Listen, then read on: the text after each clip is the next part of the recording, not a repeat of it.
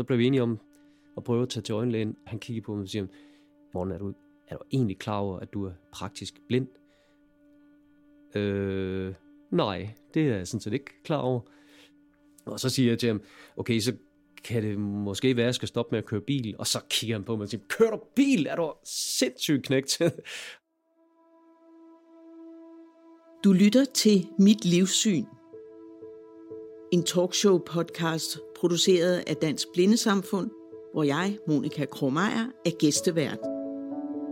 Jeg har fået fornøjelsen af at kigge ind i seks forskellige menneskers tilværelse og høre om deres syn på livet. Hvordan de ser det liv, når de faktisk ikke kan se. Og hvordan opnår man sine mål og vinder de store sejre, både over sig selv og i tilværelsen, når man har et synshandicap.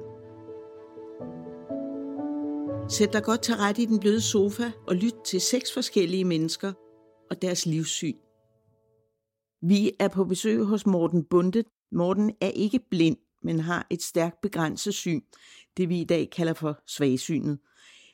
Det er virkelig en hemsko, ikke bare i ens liv, men især også, når man som Morten igennem mange år er optaget af at lave videofilm og har været kreativ i reklamebranchen de sidste 12 år som senior art director hos Lego. Morten, tak fordi vi må komme ind i din stue. Tusind tak, fordi I kom. Du er ramt af øjensygdommen RP, retinitis pigmentosa, som langsomt nedbryder de lysfølsomme celler i øjets nethinde. Hvor meget kan du se i dag?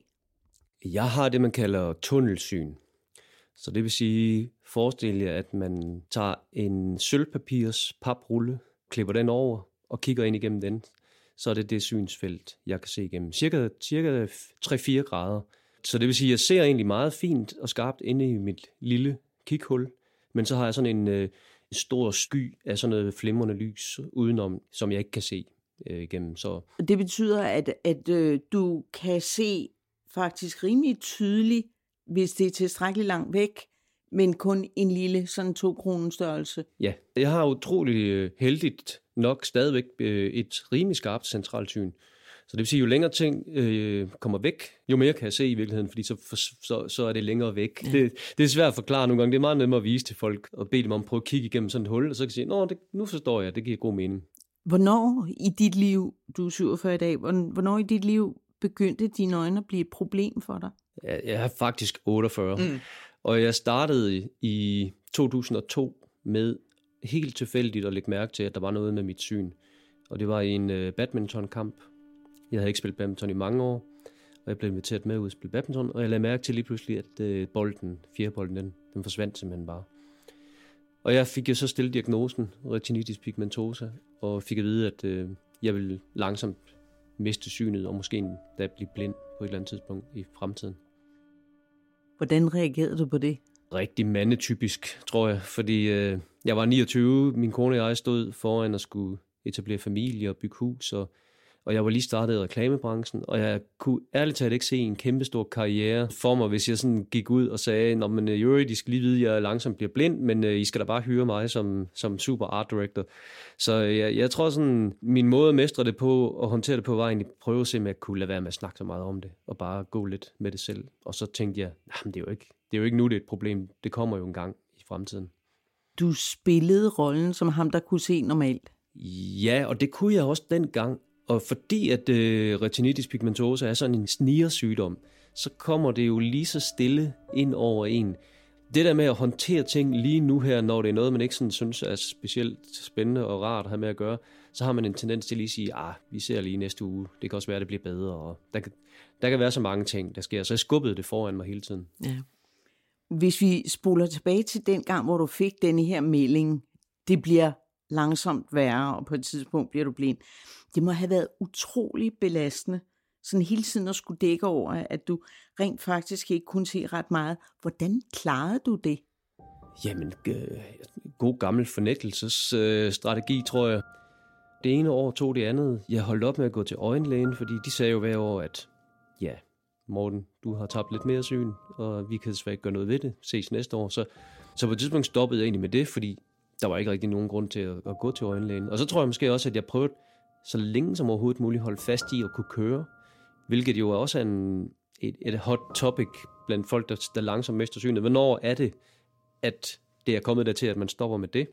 Hvis jeg overskred den der, hvad skal man sige, nu kan du ikke køre bilgrænse, så vidste jeg, at okay, nu er det, nu er det faktisk alvorligt. Mm. Så jeg tror, jeg holdt fast i rigtig mange ting, for ligesom at bevare det, der var mig, så længe som overhovedet muligt. Og hvornår kastede du så håndklædet? Det gjorde min, min gode, øh, kloge krop for mig.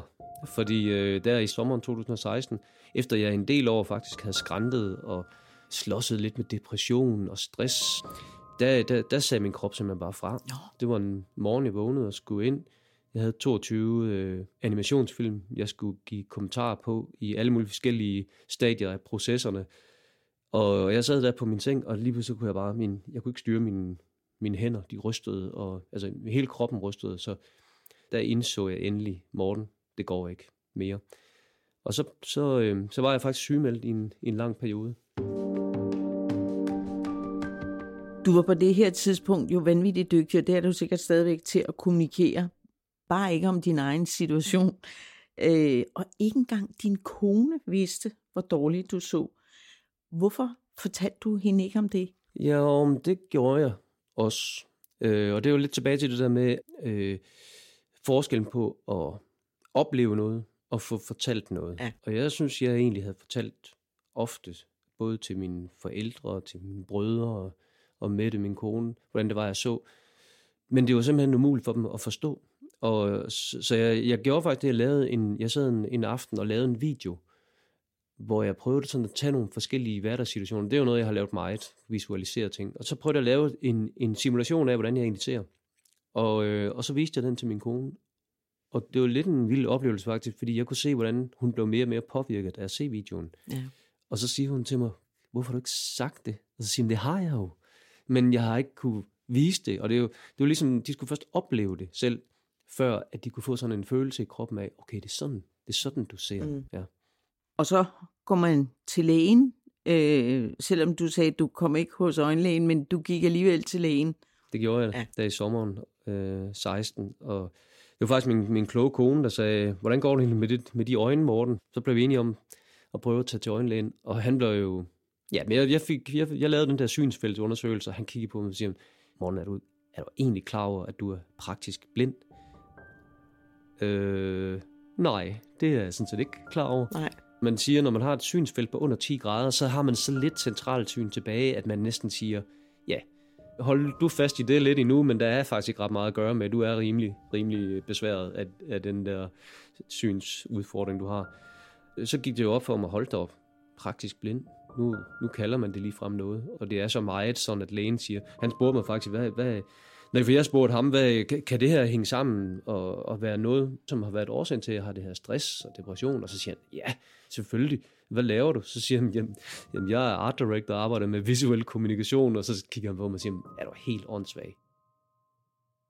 Og så, øh, så gik det lige pludselig op for mig, at det var, det var lidt usædvanligt at være art director og ikke kunne se på samme tid. Og så siger jeg til ham, okay, så kan det måske være, at jeg skal stoppe med at køre bil? Og så kigger han på mig og siger, kører du bil? Er du sindssygt knægt? og så, så stoppede jeg jo med at køre bil der i, i 16.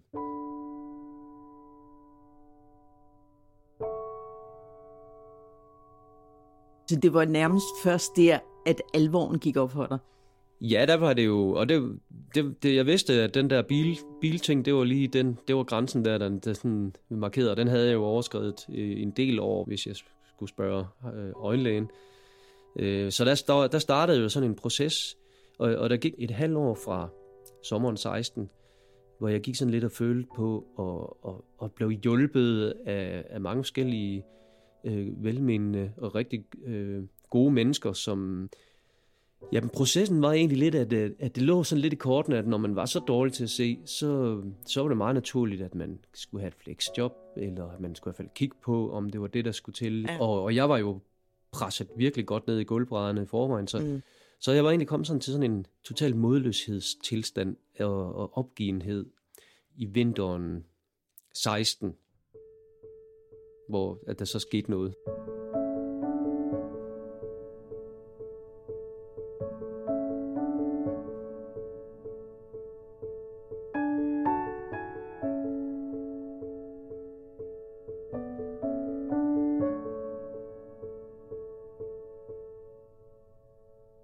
Jeg sidder der på Kolding Kommunes øh, jobcenter, og vi sad og snakkede om, hvordan, hvordan mit liv skulle være, karriere, og hvad der kunne være hjælpemuligheder og flexjob osv. Og, så videre. og mens jeg sidder der, har jeg sådan en totalt tom følelse, en, altså håbløshed og afmagt. Og jeg, jeg føler i virkeligheden, at livet kunne lige så godt bare stoppe. Jeg kunne ikke se noget at leve for. Og så, så, så får jeg sådan en, en følelse af, at nu her, bum, der døde jeg.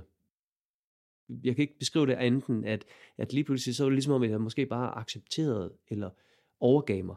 Øh, den sidste kraft af at holde fast, den slap simpelthen. Og så mens jeg sidder og faktisk føler mig utrolig lettet i, den der, i det øjeblik, okay. så har jeg sådan en fornemmelse af, at folks stemmer, de sådan fader lidt ud. Og det, som jeg havde oplevet faktisk frem til og hele mit liv, det var at have sådan en indre dialog hele tiden, som var selvkritisk og bedømmende, og, og altid på en måde efter mig i situationer, hvor jeg faktisk mest havde brug for, at nogen var med mig. Så havde jeg faktisk en, en indre egen dialog, der var destruktiv. Og lige pludselig, så hører jeg sådan en helt anden stemme op i hovedet, som, som siger, Morten, hvad vil du med dit liv?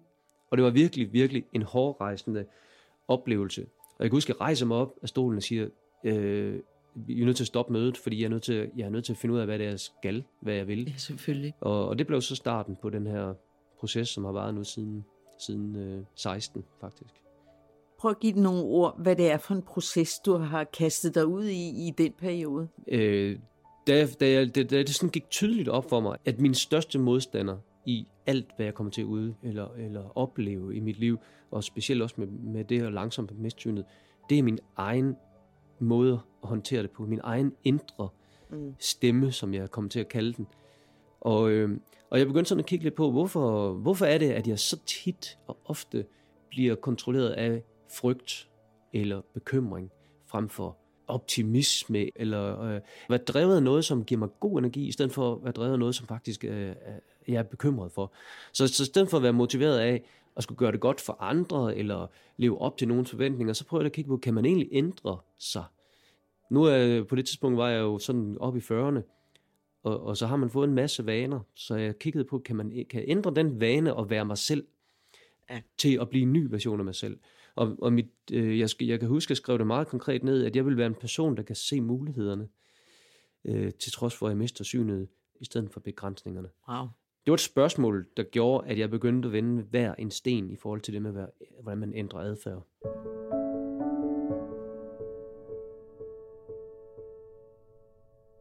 Der er ingen tvivl om, at du er blevet handlingens mand. Du gik ret praktisk i gang med det her projekt. Du opstillede fire udfordringer for dig selv. Øh, den første, den kaldte du dyt, byt, tanke. Og den må du meget gerne lige forklare, for det er et fantastisk ord dyt byt tanke. Lige, lige inden, ja. så skal jeg sige, at øh, jeg gik i gang med en ret øh, omfattende research-proces. Og jeg gik i gang med at studere alt lige fra elgammel filosofi til religion til fysik, biologi, fordi jeg vil simpelthen vide, hvordan er det, man, hvordan er det, at vi bliver bedre til at håndtere den måde, vi reagerer på. Og så, øhm, så, så, så noget af det, som jeg fandt ud af, det er, at vi har den her underbevidsthed, som, som reagerer meget hurtigere, end vi overhovedet er klar øh, over. Og at den eneste måde, vi ligesom kan blive mestre over den, det er at blive rigtig gode til at være til stede i nuet. Ja. Jo mere jeg kan være til stede i nuet, jo bedre kan jeg vurdere det, som sker, og så reagere på det øh, på en hensigtsmæssig måde, i stedet for bare at lade kroppen gøre det. Så, så min første udfordring, den gik på, at jeg i 30 dage skulle prøve at lægge mærke til hver gang, at min indre dialog blev negativ eller kritisk. Okay. Og så skulle jeg opdage det. Så fandt jeg ud af, at en sjov måde at kunne opdage det på, det var at få sådan en ramse inde i hovedet. Så derfor dyt, byt, tanke. Den, den er egentlig jo inspireret af mine forældre, når de sad rundt om øh, morgenbordet søndag og med avisen der. Så havde min far første del, og min mor havde anden del, og så sagde min far altid, dyt, dyt, skal vi bytte? Og så sagde min mor, bot, bot, det kan vi godt. Og, og så, så kom ideen, at dyt, byt tanke er virkelig en god ramse, når jeg står og tænker, at noget er skide dårligt, eller øv, eller et. Så sagde jeg dyt, byt tanke, og så skal jeg inden 5 sekunder prøve at se, kan jeg, kan jeg se det her på en anden måde? Kan jeg, kan jeg vende det rundt og se det fra et andet perspektiv?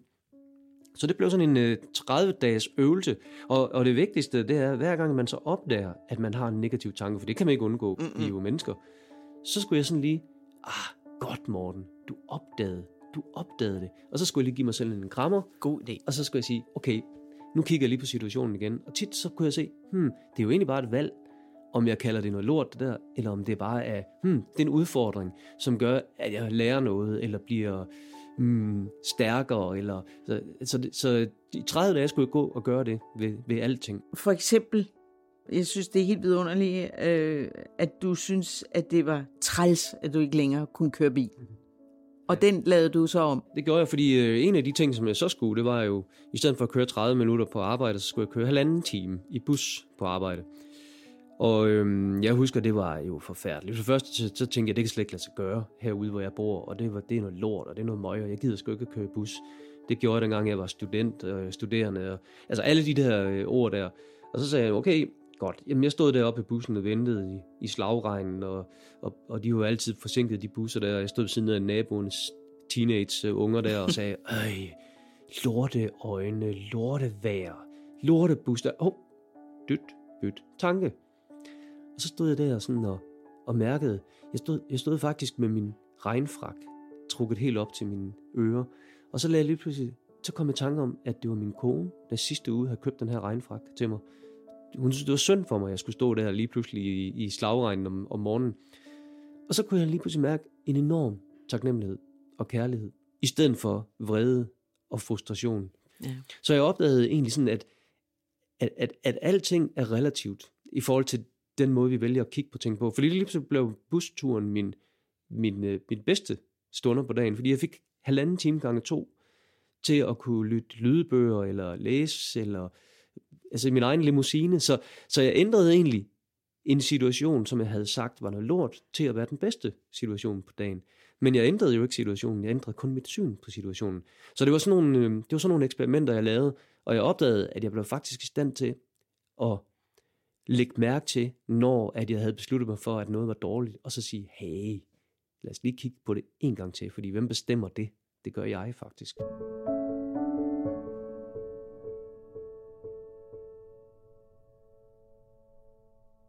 jeg, jeg besluttede mig nogle gange for at komme ind på arbejde, og så bare smile og smile og smile. Og, og folk opdagede det jo og lave mærke til det. Men jeg lavede også mærke til, at jeg kunne ændre rigtig meget på mine omgivelser ved at have sådan en besluttet attitude. Og, og, øh, og det kunne godt være, at i starten føltes en lille smule forkert, ja, fordi jeg var jo ikke, så, ja, altså jeg var jo ikke sådan indeni. Men jeg lavede mærke til, at jo mere, at jeg trænede min krop i at have den rigtige holdning, have et smil, selvom der egentlig ikke var noget at smile af, jo mere begyndte min indre kemi at, at ændre sig. Den måde signalstoffer fungerer i kroppen på, er jo netop, at det er tit en intention eller en tanke, der starter de processer. Og det begyndte jeg at lave om på. Og mine drenge, de begyndte sådan at kigge på mig og sige, hvad fanden sker der? Hippie, hippie far kaldte de mig. og det var jo selvforstærkende, så, fordi jeg kunne se, at noget jeg laver, har en, en påvirkning i, i omgivelserne. Og så begyndte det at blive til en ny vane. I virkeligheden var du vel inde og røre ved din underbevidsthed. Helt bestemt. Det går jo meget mere ind i det i bogen. Og den bog, du taler om, det er den, som hedder Dømt blind, hvad så? Og som har den vidunderlige undertitel En rejse fra håbløshedsskade til mulighedsvej, som du udgav for nogle år siden. Ja, lige præcis det her med, hvordan bevidstheden og underbevidstheden, eller det ubevidste fungerer. Det var det, jeg var nødt til at forstå. Fordi nogle af de ting, som jeg ikke kunne forstå, det var, hvorfor kan jeg ikke lave om på mig selv, når jeg gerne vil? Hvad er det, hvad er det der bestemmer i virkeligheden? Jeg, jeg kan huske, jeg havde en, øh, en opdagelse. Jeg, jeg så en videoklip med en, med en mand, der hedder Nick Wojcic, som ingen arm og ben har.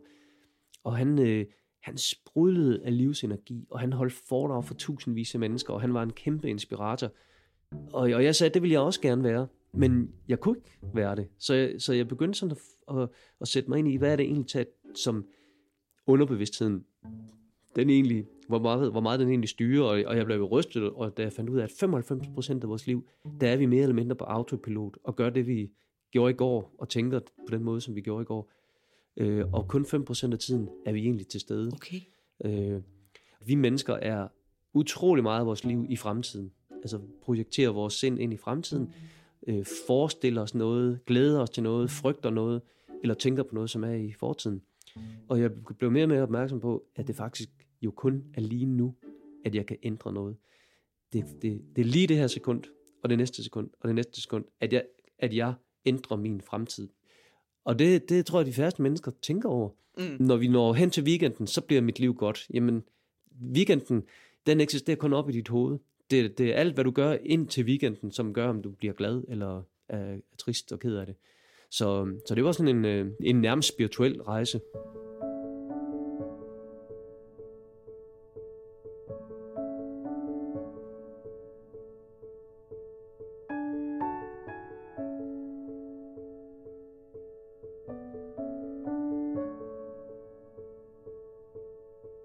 Da vi i telefonen skulle aftale, hvornår vi kunne mødes her i Kolding, hvor du bor, så var der en farlig larm i din telefon, mens vi talte. Øh, fordi du tjekkede, hvad vi aftalte med en elektronisk kalender, som gentog aftalerne, mens du selv talte. For mig var det jo stærkt forvirrende, men for dig er det jo hverdag. Er teknologien en stor hjælp for dig? Mm, jeg synes faktisk, øh, jeg endnu ikke er kommet rigtig godt i gang med at finde ud af, hvad der egentlig findes af hjælpemidler. Øh, midler. og jeg tror, det er en kombination af stedighed. Øh, stadigvæk er der noget, jamen, der ikke vil acceptere og kende, at det vil måske være nemmere at bruge mange af de der hjælpemidler. Så jeg bruger mit lille kikkertsyn til grænsen gange 10, tror jeg, ofte. Okay. Men jeg, jeg, jeg er opmærksom på, at det findes derude. Jeg tror, jeg tror lidt, at jeg er sådan en person, der skal være, der skal nå dertil, hvor at det absolut er nødvendigt, før at jeg bliver motiveret nok til at, sætte, at bruge den energi og kraft, der skal, der skal til for at, at kunne lære nye ting. Hele den her rejse, jeg har været på, var jo også motiveret af nødvendighed. Og jeg tror, at øh, jeg, jeg tror, at jeg vil opdage lige så stille hen ad vejen, at nu er jeg nødt til at finde ud af, hvordan jeg løser det her problem. Og så tager jeg mig af det problem. Øh, der er mange, der siger, hvor er du kommet i gang med blindeskrift, og er du kommet i gang med dit, og er du i gang med... Hvor jeg sådan, mm, det er faktisk ikke, hvor de siger, jamen det er jo nu, du skal gøre det, men du, jamen jeg vil ikke være motiveret på samme måde. Og er det på den hårde måde? Det er det måske, men så kan man sige, så det, sådan er jeg. Det er din måde. Det er det, ja. En ting, du i hvert fald har været motiveret til, det er at få skrevet den her bog, Dem Blind. Hvad så? Hvad ville du med den bog? Det var mig super tydeligt og klart, at hvis jeg skulle ændre den her autopilot, øh, noget af det, som jeg fandt ud af, det var, at når man er barn, så lærer vi alt, hvad vi lærer i de første syv år, nærmest via hypnose. Ja. Fordi på det tidspunkt, der har vi, der har vi en underbevidsthed, der stiger, programmerer mig. Det er derfor, børn lærer så hurtigt. Og efter man er de der syv år, så får vi det her bevidsthedsfilter nedover. Og så skal alting læres via repetition. Og det er derfor, at når man lærer at køre bil, det er utroligt svært. Indtil man har lært det, så er det blevet til et program. Den bedste måde at lære noget nyt på, det er at kunne det så godt, at man kan undervise andre i det. Og research, bare for research, det kræver virkelig viljestyrke. Så i stedet for researchen var jo min måde at lære utrolig mange ting på. Men det skulle ikke bare være noget, jeg skulle lære. Det var noget, der skulle simpelthen konkretiseres i en bog. Den er jo i virkeligheden min hensigtserklæring ja. i forhold til, hvad jeg gerne vil være. Hvordan jeg gerne vil tænke, og hvordan jeg gerne vil håndtere den her udfordring, som jeg har. Så, så, så det var faktisk motivationen. Men så på et tidspunkt, så kunne jeg se, jamen, lad os da prøve at se, om den kan hjælpe andre. Så det, det har den kunnet, og jeg har faktisk opdaget, at det er jo ikke, det er jo ikke folk, der mister synet primært, der læser den. Det, det, det undrede mig faktisk. Det er faktisk mennesker, der bare synes, at de sidder lidt fast, eller de, de opdager lige pludselig, at kæft, hvor bruger jeg meget tid på at brokke mig over ting, der er helt totalt ligegyldige. Men jeg kan ikke lade være, fordi at jeg har bare sådan en brokkehoved op i mit, i mit hoved. og, og de opdager ligesom nogle gange, folk kommer hen til mig og siger, jeg er slet, jeg er slet ikke klar over de her ting. Nu, nu, nu giver det lige pludselig mening. Så, så hver gang, at, at jeg oplever, at nogen kommer og siger, det her det gav mening, så bliver jeg motiveret til at gå ud igen og holde endnu et foredrag, eller eller tale om det, eller stille op i sådan en podcast som den her for eksempel. Øh, det er jo faktisk din dybbyt-tanke, som andre mennesker også kan få gavn af. Lige præcis. Og jeg oplever jo, at øh, når jeg holder øh, foredrag for virksomheder og sådan noget, og de skriver tilbage til mig efter en måned, og siger, at vi går stadigvæk og siger dyt byt tanke. Så øh, ja, det, værktøjerne har faktisk øh, har vist sig at kunne, kunne bruges i alle mulige mærkelige sammenhænge. Og det du beskriver i bogen er jo i høj grad viljens magt. Og så er det jo, at øh, jeg vil sige, at det er jo ikke alle, der har viljens magt. Er det ikke bare dig, der er særlig god til det? Og ved du hvad, jeg hører det der spørgsmål så ofte. Og jeg plejer altid at sige tilbage, når nogen siger, Morten, det der du har gjort, det vil jeg aldrig kunne. Og så, så kan jeg kun referere til Henry Ford, øh, stifteren af Ford øh, Motor Company. Han sagde, han havde et fantastisk citat på et tidspunkt, han sagde, om du tror, du kan, eller du tror, du ikke kan, har du sikkert ret. Mm. Og hvis man lige tænker over den, så er der faktisk der i lige præcis valget igen. Om du tror, du kan, eller du tror, du ikke kan, så har du ret. Så de mennesker, der kommer og siger, jeg vil aldrig kunne gøre det der, så siger jeg bare, nå, så er det jo sådan, det er. Nogen bliver provokeret af det, fordi øh, det peger jo virkelig meget på en selv, hvis man kommer og siger, jeg vil ikke kunne det der, men så har du helt, helt sikkert ret, og så vil du aldrig kunne gøre det. Hvorimod et andet berømt, øh, fantastisk citat, jeg, jeg stødte på, det var en øh, buddhist, Tilopa hed han, han skrev, have et sind, der er åben for alt og knyttet til intet. Og da jeg, da jeg øh, studerede ham, der kunne jeg se sådan tit, så havde jeg sådan en dom med det, med det samme, så jeg, det der ville jeg aldrig kunne. Øh, og, og i stedet for at tænke sådan, så begyndte jeg at sige, hmm, hvad er, hvor er beviset på det? Har du prøvet? Nej, det har jeg faktisk ikke. I virkeligheden så er vi jo over i Pippi Langstrømpe. Det der, det har jeg aldrig prøvet, så det er jeg sikkert god til. Ja, det er det lige præcis. Der er flere, der har faktisk lavet den sammenligning. Og det er jo fordi, mange af de talemåder, vi har, vores sprog rummer utrolig mange sætninger, som vi slet ikke forstår. Og når jeg læser tilbage, jeg har været, jeg har været utrolig langt tilbage i tiden, prøve, prøve at se, hvor starter alting henne? Hvor kommer vores opfattelse af de liv, vi lever? Og da jeg, sådan, da jeg sådan kom tilbage og, og studerede de gamle indianer øh, samfund i Nordamerika og i Østen, øh, den måde, man tænker på og tænkte på, er sådan grundlæggende anderledes end den måde, som vi tænker på her i Vesten. Mm. Så jeg så begyndte sådan at udfordre antagelsen af, at ting er, som de er. Du ved, når man hører nogen sige, jamen sådan er det bare. Så begyndte jeg sådan, jamen hvorfor er det sådan? Og, kan, og er det ikke mig, der bestemmer det i virkeligheden?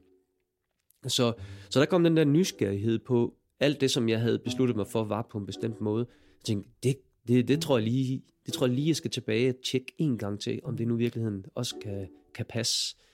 Så, så Pippi Langstrømpe-tingen der er jo 100% også tappet ind i, i, i meget ældre øh, livsanskuelser, som, som vi i, kunne bruge meget mere i dag, os alle sammen.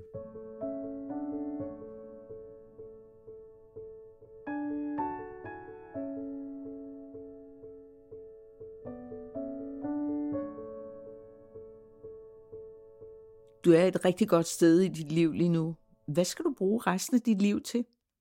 Mit erklærede mål det er, at jeg vil på en eller anden måde hjælpe mennesker med at indse, at vi har et langt større potentiale, end vi tror. Det er mit mål. Øh, min målsætning, eller min mission. Og hvordan den så skal leves ud, aner det ikke. Jeg har ingen anelse. Lige nu der er jeg stadigvæk ansat på Lego, og hvem ved, hvad jeg gør øh, om en måned eller om et halvt år.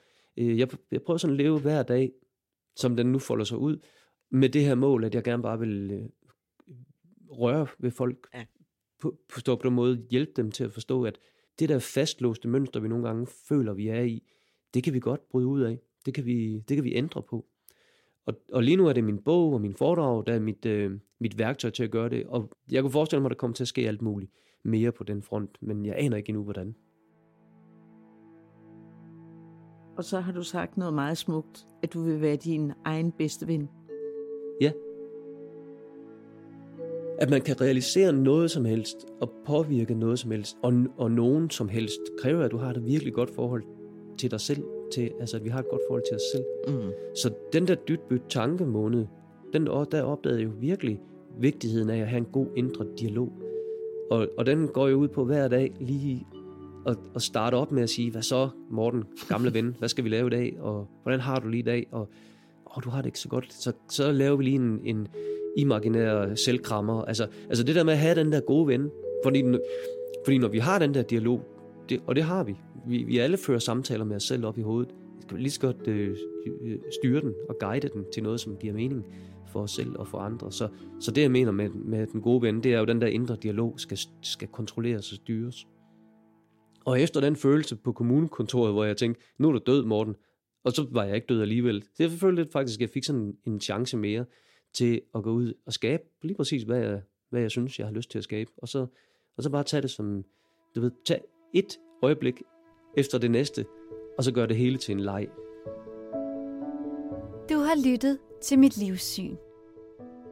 En podcast produceret af Dansk Blindesamfund med vært Monika Krohmeier. Lydpol stod for mix og klip. I redaktionen sad Mikkel Løfgren Rod og mig, Sofie Mongo. Husk at abonnere på podcasten i din foretrukne podcast-app og følg vores Facebook-side. Du kan også finde podcasten på blind.dk-podcast. Vi lyttes ved.